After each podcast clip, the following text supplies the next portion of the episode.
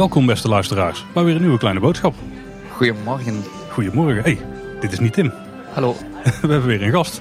We zitten vandaag in de Efteling. We zitten hier bij uh, Langnek, bij de Zes Dienaren. We hebben net uh, bij Kogeloog hebben wij een, uh, een snackje gehad. En ik zit hier met Chris van der Zanden. Een beetje onze huisfotograaf inmiddels wel. Hè? Zo kan je het wel stellen. Welkom terug in de aflevering Chris. Dankjewel. We hebben een hoop afleveringen al gemaakt over fotografie. Nou, ik zeg een hoop, het zijn er exact twee. En um, we hebben daar redelijk wat feedback op gehad. Uh, maar op de laatste aflevering, en dan moeten we een beetje zelfkritisch zijn denk ik. Hebben we wat feedback gehad van uh, misschien is het wel te technisch uh, heren. Ja. Want, fotografie vind, vind, ik super interessant. Alleen het gaat allemaal over diafragma's, apertures en sluittijden en ISO-waardes. Maar hoe maak ik nou echt een goede foto als ik me daar niet zoveel druk om wil maken? En het idee wat we vandaag hadden is dat we daar eens wat meer op ingaan. Dus eens gaan kijken van uh, wat komt er nog meer bij kijken dan de techniek. Want ik denk dat de techniek onder de knie hebben wel een belangrijk element is van fotografie. Want dan hoef je daar niet meer over na te denken. Je ja. mag me verbeteren, Chris. Jij bent nee, expert. Nee, dat is volledig, okay. volledig correct. ik stel me dan meteen voor, en dan gaan we er misschien meteen induiken. Dat je dan gaat nadenken over perspectieven en doorkijkjes en uh, voorgrond, uh, middengrond, achtergrond. Misschien het moment van de dag waarop je het maakt. Daar hebben we het al wel de vorige keer over gehad. Over ja. golden hour en blue hour. En dat dat dan een beetje is waar we vandaag meer op gaan induiken. En dat wilden we eigenlijk doen ja, door gewoon door het Sprookjesbos heen te bewegen. En op bepaalde plek is te gaan kijken hoe, het dan, uh, ja, hoe we daar dan een mooie foto kunnen maken. Ja, klopt. We zitten hier bij de Zes Dienaren. Wat, hoe zou jij het aanpakken als je hier een foto gaat maken? Wat zijn dingen waar je dan aan gaat denken? Het interessantste wat ik altijd vind is dat het denken um, achterblijft. Um, ze hebben mij altijd als kind impulsief gevonden en ik heb wel gemerkt dat dat helpt in de fotografie. Van, oh, dit is leuk of dit is leuk. Um, het voor- en nadeel is, hoe meer je ergens komt, hoe beter je de plek kent, maar hoe moeilijker het is om verrast te worden om iets nieuws te doen. Ja, ja. Ja, we zitten hier nu heel leuk uh, in het niche. En er is al een leuk doorkijkje naar uh, Langnek. Wat me trouwens opviel er straks is de bepaalde hoogte. De laatste keer dat ik hier was, leek het alsof het niet super hoog ging. Terwijl als kind je weer het idee hebt dat die echt boven de bomen uitkomt. Nu natuurlijk, dat is ook weer 20, uh, 30 jaar geleden. Dat is eigenlijk wel leuk. Misschien kunnen we iets met die hoogte doen qua foto's. Um, hier is, het probleem is natuurlijk nu wel, nu zijn er heel veel gasten. Het is een mooie zonnige dag. Dus ik heb een hele, hele, hele mooie foto van Langnek gemaakt een tijdje geleden. Uh, Winter Efteling. Het was volledig leeg. En er zat één klein meisje met een roze jas van voor te staan voor Langnek omhoog te kijken, die nek omhoog. Uh, ik denk dat zelfs gewoon een foto op mijn telefoon was. Maar het beeld zei alles van zo'n klein petiterig meisje en zo'n gigantisch, uh, gigantische reus dat bovenuit torent. Ik kan me voorstellen dat als je een foto maakt van wat lager perspectief, dus ja. meer vanuit het oogpunt van het meisje, dat het dan automatisch iets wat hoog is, nog hoger lijkt? Ja, absoluut. Uh, gisteren toevallig hebben wij een shoot in Bobbejaanland gedaan. En op een gegeven moment wou ik iets meer breedte te hebben met nog altijd details. En ik wou context krijgen. Dus uh, je hebt de tyfoon, dan heb je die eerste drop.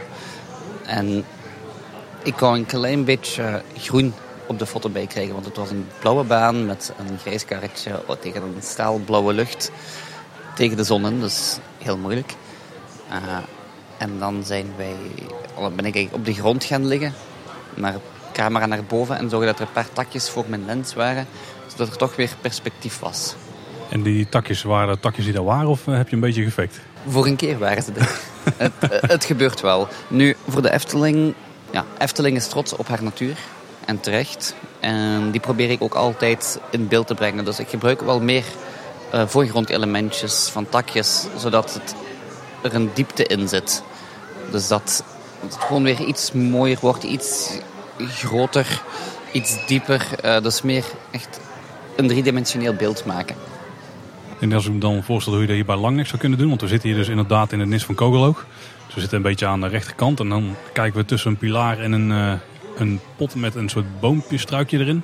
En dan zou je daar bijvoorbeeld tussendoor kunnen schieten? Ja, dat zou perfect kunnen om bijvoorbeeld ook um, wat we storende elementen op de foto noemen. Uh, in dit geval misschien uh, wat toeristen met buggies die niet super fotografische meerwaarde hebben, om het um, heel strategisch te zeggen. Um, Als, we- als we puur om het sprookje gaan en puur om het vastleggen van wat hier staat, hebben mensen daar iets minder in belang in. Dus dan zou je bijvoorbeeld die takjes van onder kunnen pakken en dat dichter en dichter eh, kunnen gaan om dat een groenere waas te krijgen. Om de focus ook te verleggen naar wat er omhoog gaat. Uh, dus sowieso bij langnek, hoe lager dat je kan gaan en hoe breder je lens, eh, hoe meer speciale effect heeft. Uh, Efteling Social heeft een hele leuke foto van Langnek van bovenaf gefotografeerd met een drone. Oh, En je herkent eigenlijk Langnek niet door het perspectief. Heel raar. En dan krijg je een heel, heel, heel ander zicht nu. Dat is natuurlijk eh, iets wat ze hier heel goed kunnen. Maar dat kan je als gast niet doen. ja, want ik, eh, ik zie wel eens foto's, bijvoorbeeld van eh, Lisa van der Drift of van plaatjesmakers of van andere mensen die Ja. hier veel foto's maken in het park. En wat een veel terugkomend element is, is inderdaad dat je elementen op de voorgrond hebben die dan heel onscherp zijn. Waardoor er een beetje zo'n, ik denk dat je het wel sprookjesachtige gloed in de hoek van je foto een beetje komt. Ja, absoluut. Dus daar zou je ook bewust wel, wel doen om het, tenminste als, je, als dat de sfeer is die je wil neerzetten. Ja, het geeft gewoon ook een veel grotere diepgang als er iets rond het kader van de foto gebeurt. En, want je kunt hem hier ook inkaderen eventueel dus met het eh, pilaartje waar we dus zitten en die plant.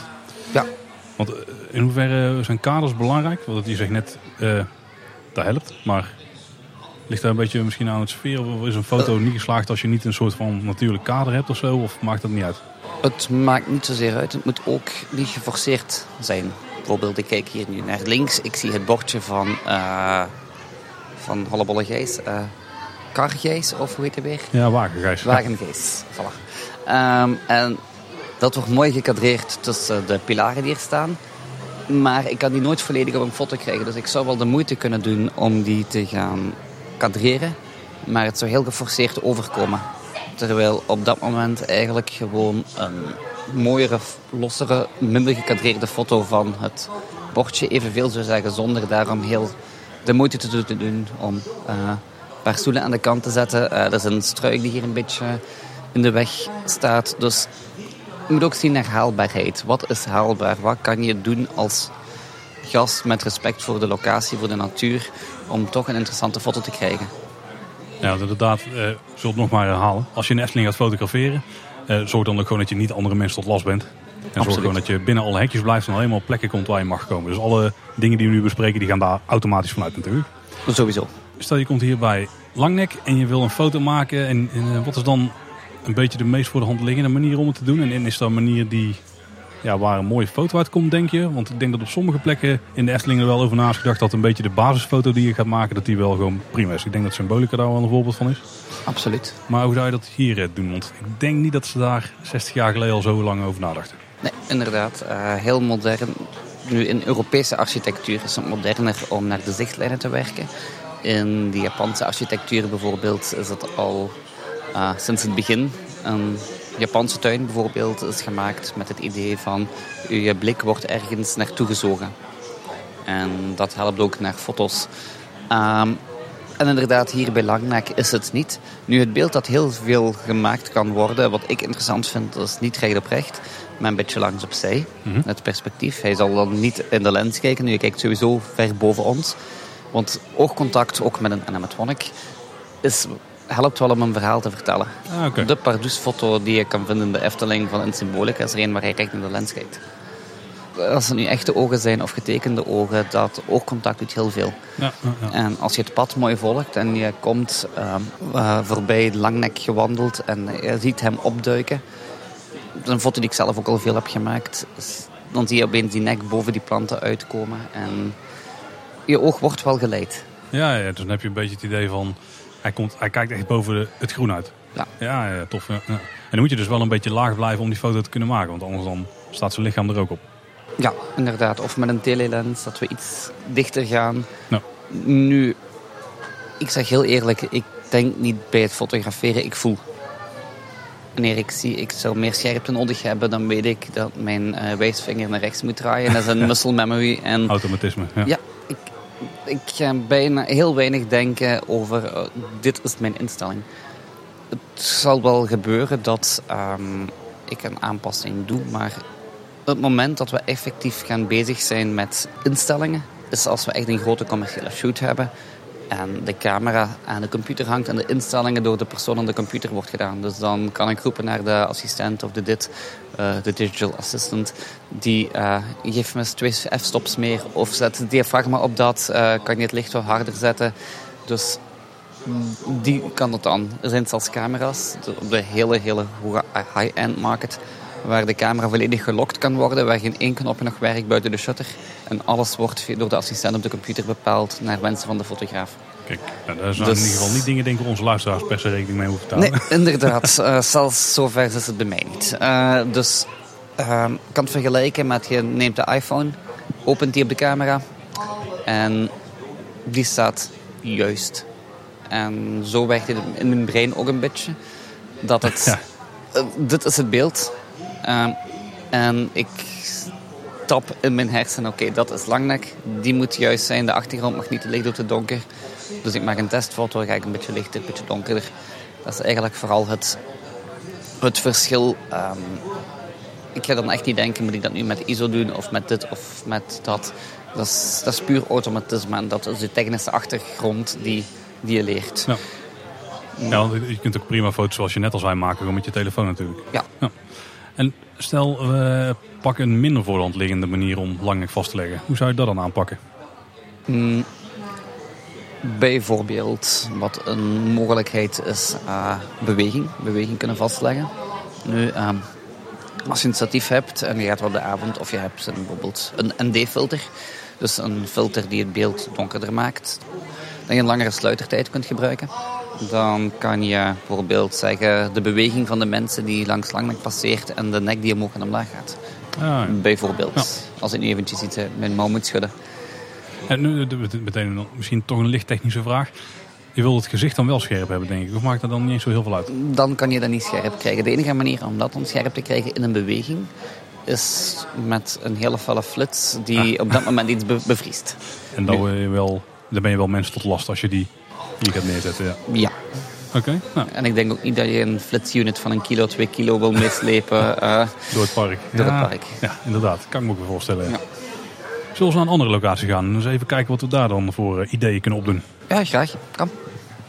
We zijn weer een stukje verder het Sprookjesbos ingelopen. En we zijn uh, neergedaald bij een Ton van de Ven klassieker. Bij een klein duimpje en de reus. Ja, met het mooie gesnurk op de achtergrond. ja, dat zul je wel meekrijgen denk ik ja. En wat fanatieke kinderen die klein duimpje aan het roepen zijn. Ik weet nog steeds niet of ik hem nu hard moet roepen. Of tenminste hard moet laten roepen. Eh, want dat doen mijn kinderen natuurlijk altijd.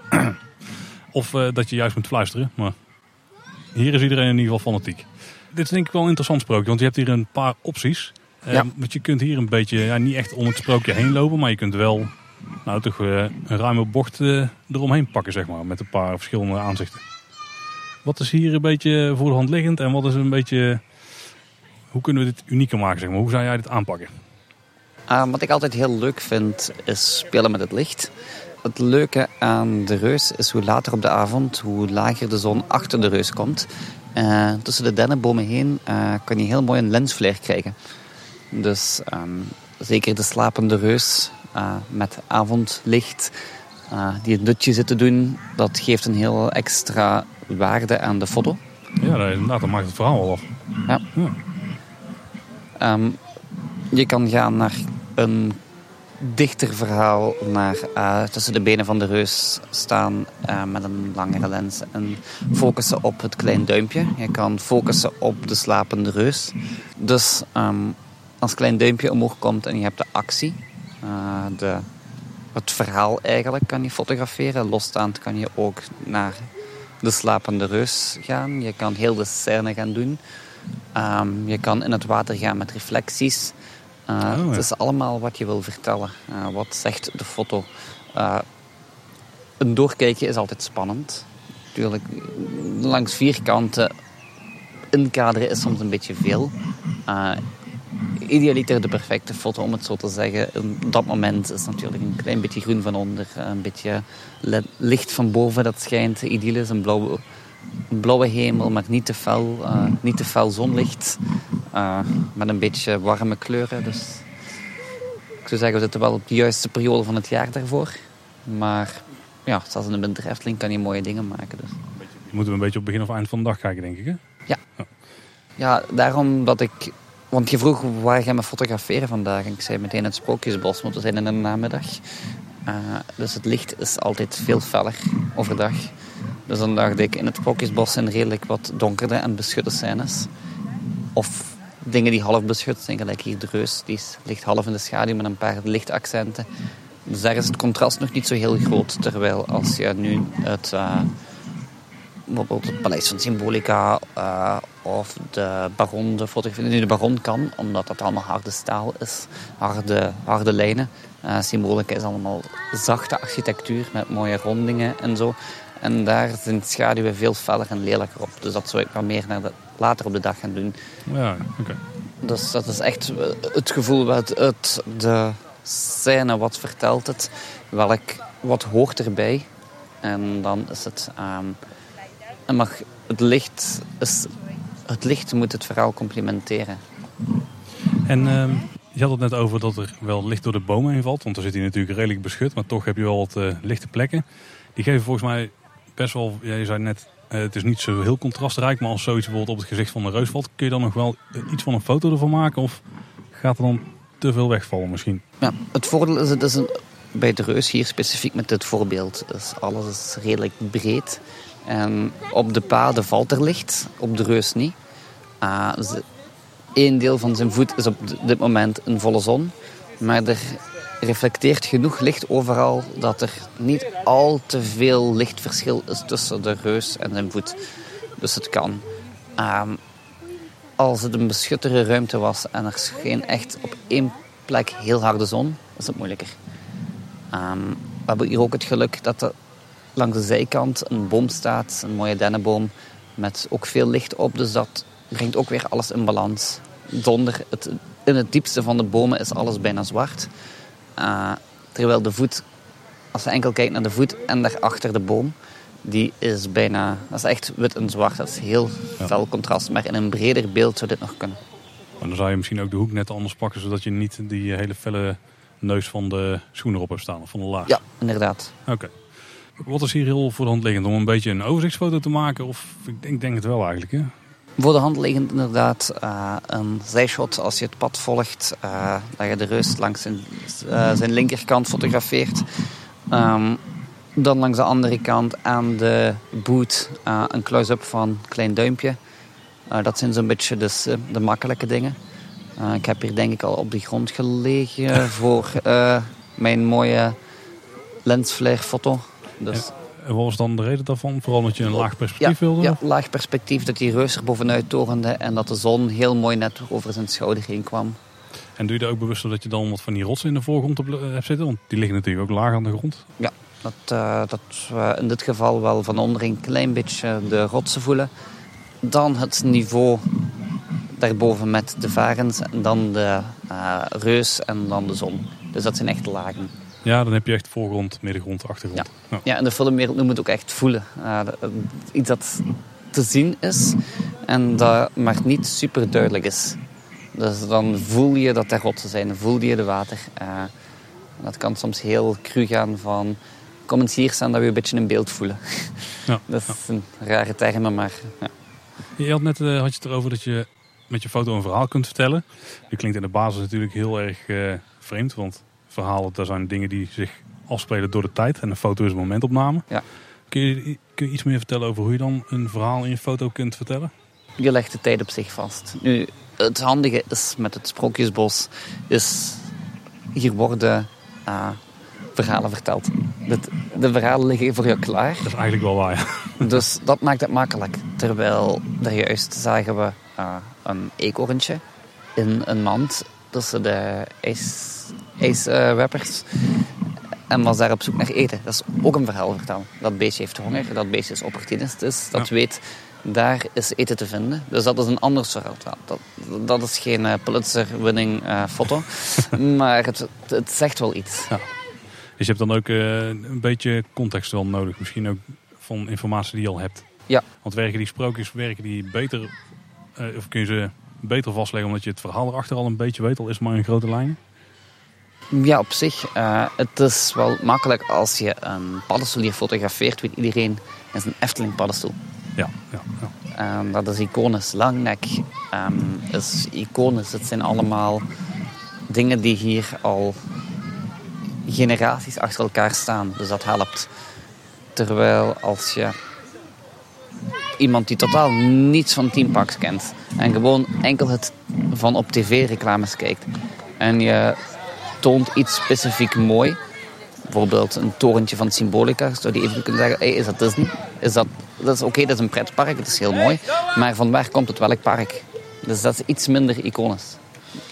Voorlopig, want wat er nu, bijvoorbeeld nu is neergezet is wel heel mooi en heel iconisch en het zal echt binnen generaties puur 100% Efteling zijn.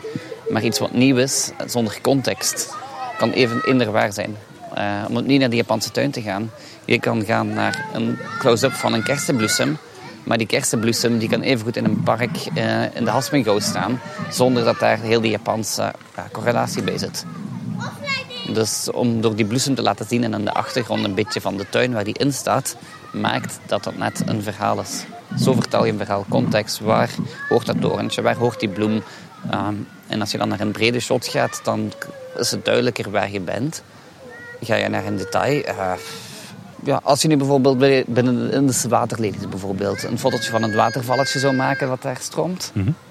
Als je iets breder gaat en je toont een fantasierijke setting, dan is het, ah ja, in de waterlelies. Check, dat is een verhaal, dat is een sprookje. Terwijl de waterval alleen is gewoon wat water dat valt. Ja, ja duidelijk. Dus context uh, binnen verhaal, dat is, dat is het verhaal ook van alle. Als ik kijk naar jouw foto's, dan ben ik daar best wel vaak van onder de indruk. En nou, is dat niet omdat ik uh, zeg maar, technisch een idee heb van hoe moeilijk het misschien was om in die situatie een goede foto te maken. Wat ik dan bijvoorbeeld wel heb al bij Carnival Festival of Dark Ride, want daar is het donkerder, dus dat is technisch iets uitdagender. Uh, maar ook bij heel veel buitenfoto's natuurlijk, waar licht geen issue is. En het technische stukje misschien minder uh, belangrijk. Is het een doel voor jou, ook omdat je natuurlijk veel van je foto's verkoopt aan pretparken, of dat ze jou inhuren om foto's te maken, om indrukwekkende foto's te maken? Want ik denk wel dat jouw klanten dat ook willen natuurlijk. Die willen graag een folder hebben waar echt een hele toffe, indrukwekkende foto voor op staat. Sorry. Ja, er is een fanatieke vader aan het roepen. Klein kindje. Uh, het doel is niet altijd om indrukwekkend te zijn, maar wel dat het echt is. Um, er is natuurlijk een heel erg verschil met een rustige namiddag in het Sprookjesbos voor eigen dingen of ergens in een park een gigantische set uit te lichten met rookmachines, uh, modellen, uh, verschillende camera's, assistentes en dergelijke. Dus, maar het idee is wel altijd wat is er te zien, wat kunnen we vertellen. Oftewel is er iets gepland. Soms er is iets nieuws te zien, binnenkort de zes zwanen. Dus dan zal ik wel komen naar het park met een doel. Ik wil de zes zwanen fotograferen. Terwijl als we nu in het park rond, in het Sprookjesbos rondlopen, ik, ik ken elk sprookje. En toch probeer ik altijd, oké, is er iets op dit moment, hoe deze situatie zich op dit moment bevindt, waar, wat mij toezet om een foto te nemen. Dat is eigenlijk bijna een drang in mijn lijf dat zegt, hier moet je een foto van nemen. En ik, ik luister daar heel erg naar. Dat staat ook nooit af.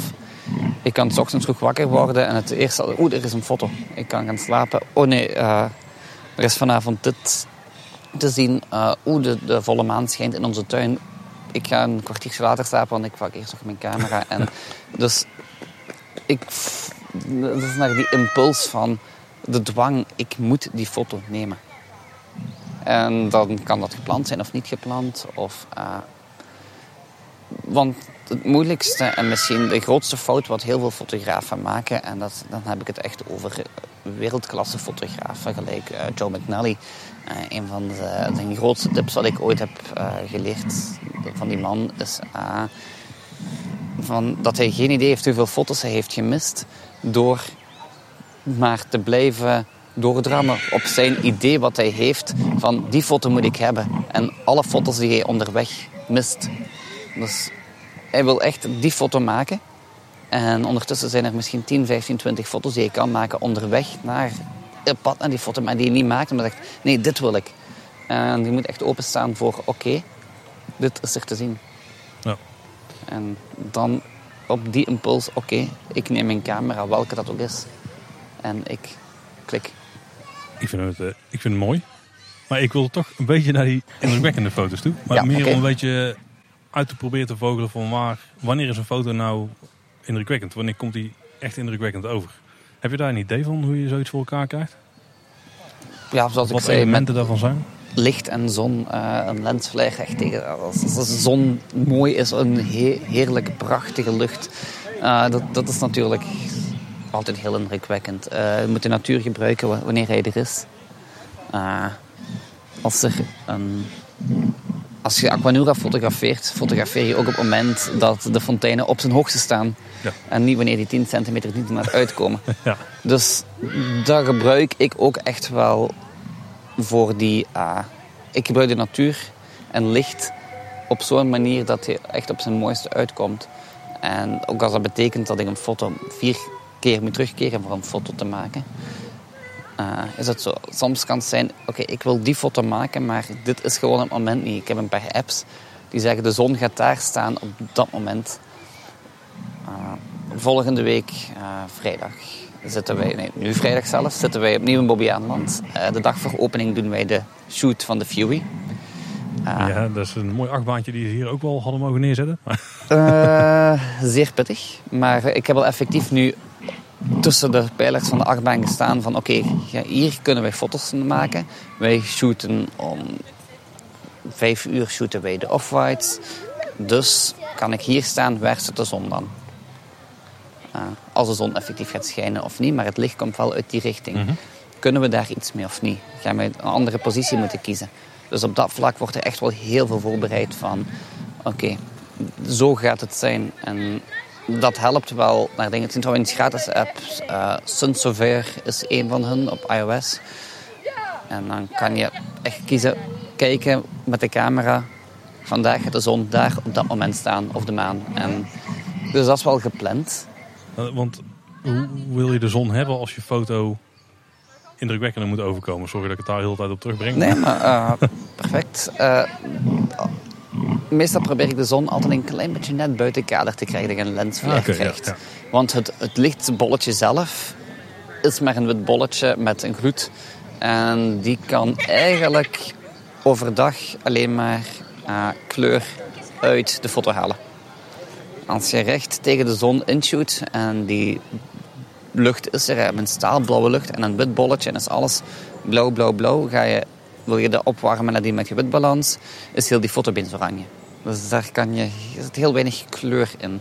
Terwijl s'avonds, als die lager is, is er veel meer warmte en zijn de schaduwen terug kouder. En dan krijg je de typische warm-koud balans, eh, wat in Hollywood heel duidelijk de teal-orange look van Ja. de laatste eh, tien jaar in het cinema is. Ik denk als je die in YouTube even intikt, dan krijg je heel veel video's van hoe je dat voor elkaar kan krijgen. Ja, dus het zijn zelfs gewoon presets tegenwoordig voor heel makkelijk. Alle schaduwen zijn koud, dus blauw. Alle highlights zijn warm.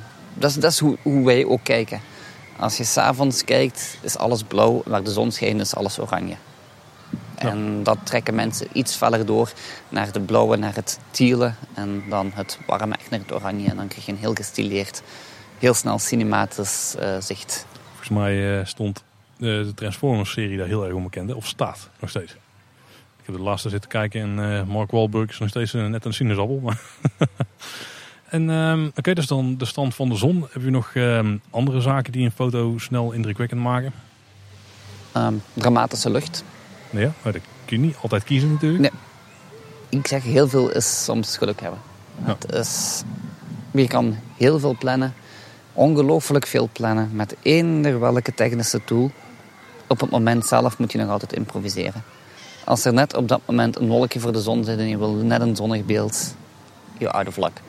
Dan moet je het oftewel zelf gaan doen als je iets aan het creëren bent, maar in een pretpark neem je de elementen zoals ze zijn. En soms betekent dat ook een foto maken dat je weet, dit is niet 100% wat ik wil. Maar als alles klikt, ja, dan is het episch. Dat is, dat is, dat is heel moeilijk om effectief te zeggen, zo kan je het maken. Want het zijn momenten die zich voordoen. Van- Dat heeft dan bijvoorbeeld ook te maken met de zon die net door de wolken heen breekt of zo. Bijvoorbeeld echt die, die hemelse zonnestraal dat net het kasteel van Door een Roosje in Disneyland raakt. Tussen een dramatische lucht. Eh, als je dan niet op de perfecte locatie staat, maak je toch de foto en dat ziet er mooi uit. Maar dat, is- het, het- dat is echt een combinatie van... Maar een Geluk dingen daar heb je natuurlijk wel Ja. eh, invloed op. En dat is de plek waar je staat, Ja. de, de hoek die je kiest, misschien de, de lens die je, die je gebruikt. Als in hoe eh, ingezoomd sta je erop, om het maar even simpel uit te drukken. Ja, qua lenskeuze, qua episch gevoel is het altijd een breedhoek. Eh, dan ga je breed, toon je de situatie niet. Wat heel veel mensen doen, en een breedhoekfout gebruiken. En zeker met een zoomlens is het makkelijk. Ik ga eventjes zoomen om een iets dichter beeld te krijgen. Ehm, ik heb een 1424 van Nikon. Ik denk dat dat ding eh, zeg ik dat misschien nog maar 20, 30 keer echt heb gezoomd. Voor de rest zit hij gewoon vast op 14. Super breed. En dan toon ik niet alles rondom mij. Maar ga ik zo, net zo dicht mogelijk om echt heel veel in je face te zitten. Bijvoorbeeld op een podium. Wanneer je, mag niet altijd, maar als je de band kent en je mag dicht. Bijvoorbeeld echt dicht bij een drummer die staat voor alles, voor alles te geven. En dan op 20, 30 centimeter van zijn gezicht bijna. Dat die drumstokken echt in de hoeken van die dingen. Dat het zweet bijna op je lens vliegt. Ah, dat, is, dat is een epische shot. Doe je dat van een telelens en hij, dat is een meer gecomprimeerd beeld. Dat de drumlagen achter elkaar staan en daar een koppetje tussen. Het kan nog altijd vol zweet zitten. Het kan ook heel mooi zijn, maar dat gaat nooit zo episch zijn als een superbreedhoek heel dichtbij.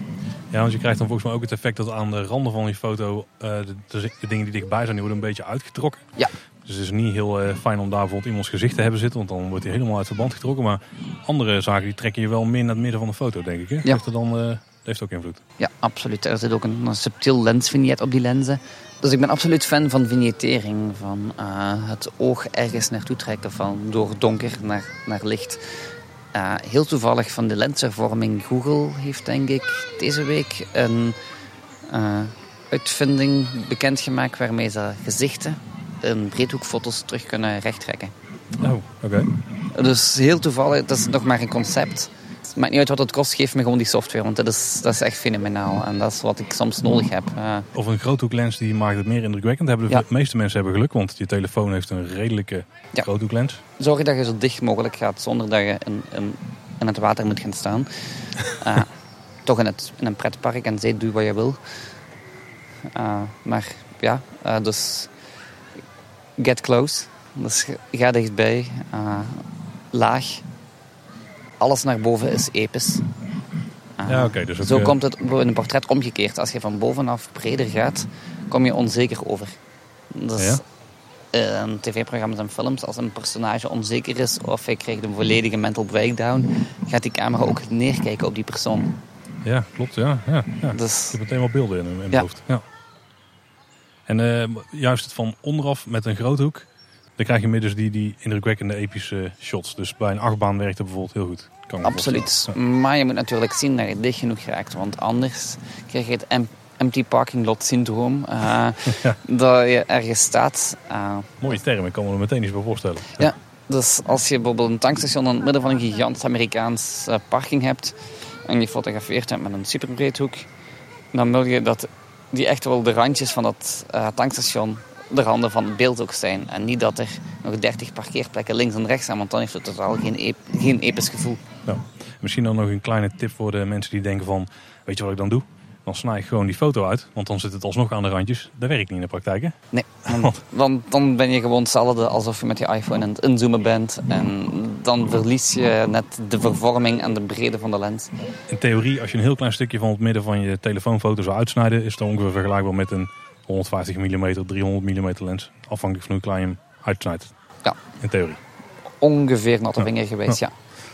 Ja, ik probeer altijd ook wel eh, elementjes in mijn foto te steken die op de rand iets vertellen. Bijvoorbeeld, eh, als je kan op de zijkant bijvoorbeeld een stukje lantaarn eff- effectief wel het licht geven, niet enkel de paal. Of de kant van een boomstronk, iets wat visueel interessant is, wat je oog leidt naar het centrum. Dus dat, dat kan heel daarom ook het groen wat we daar straks aanhaalden van ehm, dat leidt je oog naar iets dat belangrijk is. Groen is voor ons, ja, Disney heeft de Go Away Green loodsen. Ja, ja, ja. Dus een groene kleur die niet interessant is, die niet zou moeten opvallen. Ah, dus als je een egale kleur hebt aan de zijkanten van je beeld, detecteert je oog dat van dit is niet interessant, ik moet naar het centrum van de. Dan gaan kijken, wordt geleid door het gebruik van die wazige voorgrondelementen. Of eh, kerstlampjes uh, wazig in beeld brengen, dat je van die lichtbollen hebt, zodat je daar, je kijkt er wel naar, maar weg. Ook je oog gaat naar het lichtste deel van de foto. Ja. Dus wanneer je iets fotografeert en recht daar langs is een hele felle lamp te schijnen, ja, dan kijk je naar de lamp en niet naar het onderwerp. Dus probeer dat te vermijden. Uh, dus ga... ga je net een stukje opschuiven. Ja. ja. Nou, volgens mij, eh, luisteraars, hebben jullie weer een hoop tips over hoe je dus een indrukwekkende foto uh, kunt maken. Zullen we weer eens ergens anders naartoe lopen? Graag. Nou, we zijn even aan de andere kant van het park neergestreken. Dat was niet helemaal de bedoeling, maar we zijn op het Anton Pieckplein terechtgekomen. Een beetje aan de rand daarvan. Uh, dus laten we eventjes uh, het resultaat van de foto's bespreken. Want we hebben een aantal foto's gemaakt terwijl we in het Sprookjesbos waren. Ja. En wat trouwens wel heel tof is, kunnen we bij deze wel even melden. Uh, er komt ook een video online op ons YouTube kanaal. Ja, je wist niet dat die, dat die bestond, maar die bestaat. en dit wordt dan de eerste video die erop komt. En daarbij legt Chris uit hoe hij de foto's maakt en ook hoe hij ze nabewerkt. En dan kun je het verschil mooi zien van voor en na. En ook hoe, hoe die een beetje tot de foto is gekomen. Zullen we het daar eens over hebben, over het nabewerken? Ja. Want um, ik denk dat de meeste mensen wel, uh, die kennen gewoon de bewerkfuncties die ze op hun telefoon hebben. Die worden steeds beter volgens mij. Absoluut. Sowieso heeft Google ook weer van die automatische bewerkingszaken. Maar dan, ja, dan optimaliseert hij de foto meer. Dan kun je er niet echt je eigen draai aan geven, denk ik. Dan heb je toch wel echt software nodig die uh, wat ja, groter is, zeg maar, wat uitgebreider. Ja, uh, en daar is de standaard Adobe Photoshop Lightroom. -hmm de naam Photoshop zegt het zelf. Dus alle features die uh, van fotobewerking in Photoshop zitten, zitten die engine, om het zo te zeggen, de motor achter Photoshop, zit ook in Lightroom. Het verschil is dat Lightroom uh, non-destructive werkt. Dus dat betekent als ik nu iets bewerk en over vijf jaar ik terug ga naar mijn Lightroom en diezelfde foto nog eens herbekijk, kan ik die edits nog ongedaan maken. Ik kan uh, het zwart iets anders zwarter maken, lichter zwart. Uh, ik kan mijn kleuren iets subtieler doen, uh, omdat ik alles in RAW bewaar. Als hij met Photoshop opslaat, is het weg en voor eeuwig verloren. Ja.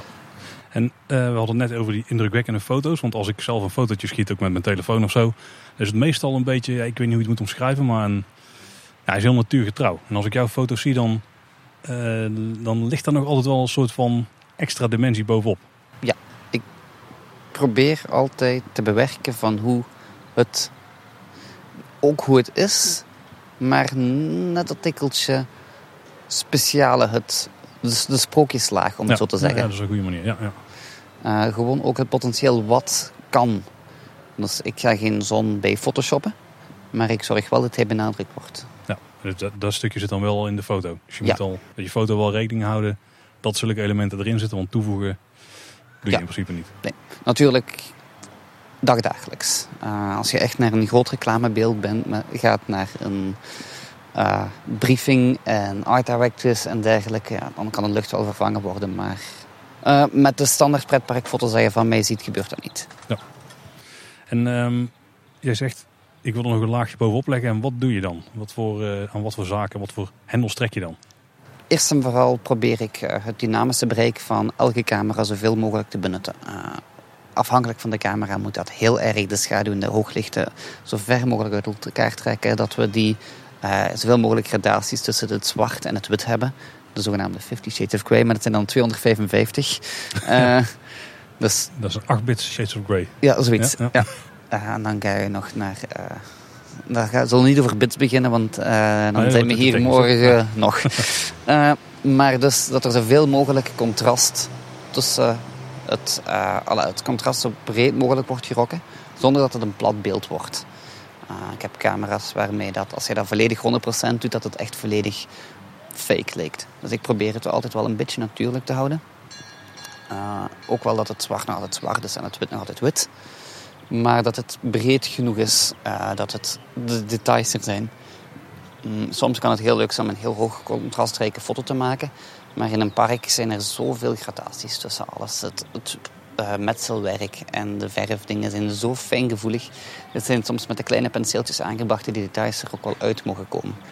Dus ik verberg dat niet al te graag in schaduwen. Um, heel veel parkfoto's zijn, heel la zijn breed in kleur, maar laag in contrast. Ja. Dus dat, die, uh, dat er heel veel verschillende dingen, dat alle details mooi zichtbaar zijn, maar wel volledig tot een recht komen. Uh, en zo werk ik ook op, bij dat soort foto's. Uh, mijn kleuren zet ik misschien iets een klein beetje feller. Soms, uh, heel veel trek ik mijn foto's iets warmer dan het effectief lijkt. Want de camera neemt alles redelijk vlak op. Mhm. Dus uh, als er een beetje zonsondergang is, wordt die wel dramatischer. Maar dat wordt nooit oranje. Dat wordt nooit echt knal, knal, puur oranje. Zoals je het zelf misschien wel in de lucht ziet. Ja, ja, ja. inderdaad. Als je met een telefoon uh, foto's zou maken en er staat kleur, de kleurslider op 100, krijg je een heel over nucleaire lucht bijna. Soms kan die ook effectief zo mooi zijn, maar dan nog zijn er heel veel gradaties in. En niet zomaar één oranje waasvlek langs boven. Het kan technisch perfect gedaan worden, maar dat doe ik nooit. Uh, maar als we bijvoorbeeld gelijk, daar straks zaten wij heel leuk met uh, klein duimpje. De zon stond nog redelijk hoog. Dus zat er nog niet zoveel kleur in het licht. Uh, maar we hadden wel een hele mooie uh, lensflare, dus een lichtvlek op de foto. Dat bijna een ma magische waas over heel het beeld gaf. Mm -hmm. Dus dan zorg ik wel dat dat warm is, omdat dat van de zon komt. Dat hoort warm te zijn. Ja. Even voor de luisteraars, dat is ook een van de foto's die dus in de video wordt bewerkt. Ja. Dus dan kun je goed zien hoe dat dan uh, uiteindelijk tot dat resultaat komt. En ik denk dat dat uiteindelijk, als ik het mag omschrijven, wel een klassieke Chris-foto is geworden. Bedankt. Maar vind je daar zelf ook of kijk je daar zelf uh, op een andere manier naar? Ik ben tevreden. Uh, ik kijk natuurlijk ook naar wat ik al eerder heb gedaan. En dan weet ik van oké, okay, uh, tijdens de winter Efteling staat de zon nog net iets anders. Uh, het, waar de zon opkomt en ondergaat, dat is niet exact altijd hetzelfde punt. Elke dag van het jaar is het anders. Dat betekent natuurlijk niet dat hij opeens in het westen opkomt, maar er is wel een hele gradatie tussen waar in het oosten de zon precies opkomt en het pad. En dat maakt echt heel veel uit. Als je echt wil plannen van uh, de foto's, bijvoorbeeld uh, Stonehenge of iets dergelijks in New York, waar er één dag op het jaar is waar de zon exact uh, langs een van de avenues schijnt. En dan staan daar honderden fotografen op een rijtje te wachten tot de zon perfect ja. mooi door heel de straten. Ook uh, in New York heb je het nieuwe station op, bij de, waar de Twin Towers stonden. Mm -hmm. En exact om... Zo'n Calatrava-constructie ja, ja, inderdaad. En daar op 11 september om, denk 11 uur s ochtends, of wanneer het exact gebeurde. Ja, 9 uur nog iets. Ja. ja, zoiets als de zon daar schijnt. Op dat moment, van die, elk jaar, zou de zon daar volledig binnen schijnen. Dus dat is, zelfs daar, dat is architectuur to the next level. Zo, ja. Uh, dus ik hou dat in het achterhoofd waar mijn licht staat. Maar dat kunnen we niet veranderen. Ik kan wel terugkomen, maar zoals hij vandaag hier was, heb ik hem vastgelegd en wel de warmte gegeven van als dat zo zou zijn. Uh, het was een warme dag, het voelt warm aan. Als wij kijken is dat allemaal wit, maar dat is eigenlijk heel warm licht. Uh, dus ik hou er wel van om die tinten naar dat te brengen. En doe je het dan specifiek voor die warme tinten of doe je het dan voor alle kleuren? Ik werk vooral alles iets warmer natuurlijk. Soms uh, als we met ledlicht en gewoon licht binnenscènes, dark, dark scenes, uh, sprookjes, binnensprookjes, uh, dan zorg ik wel dat de belichting neutraler wit wordt.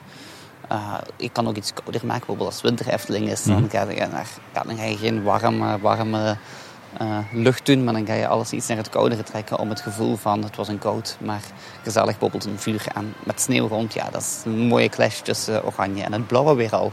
Want sneeuw maak je iets blauwer om dat weer kouder te laten voelen.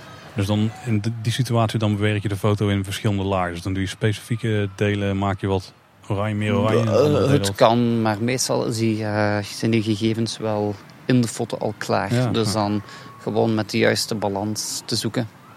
Dan kom je wel weer terug bij de Michael Bay look, hè, met het uh, orange en teal. ja, dat is hoe de natuur werkt, enkel iets minder fel. Ja. Snijd je nog veel uit aan je foto's of komen ze er meestal gewoon uit zoals je ze hebt geschoten? Maar ik probeer echt wel uh, juist te kadreren dat ik niet moet snijden.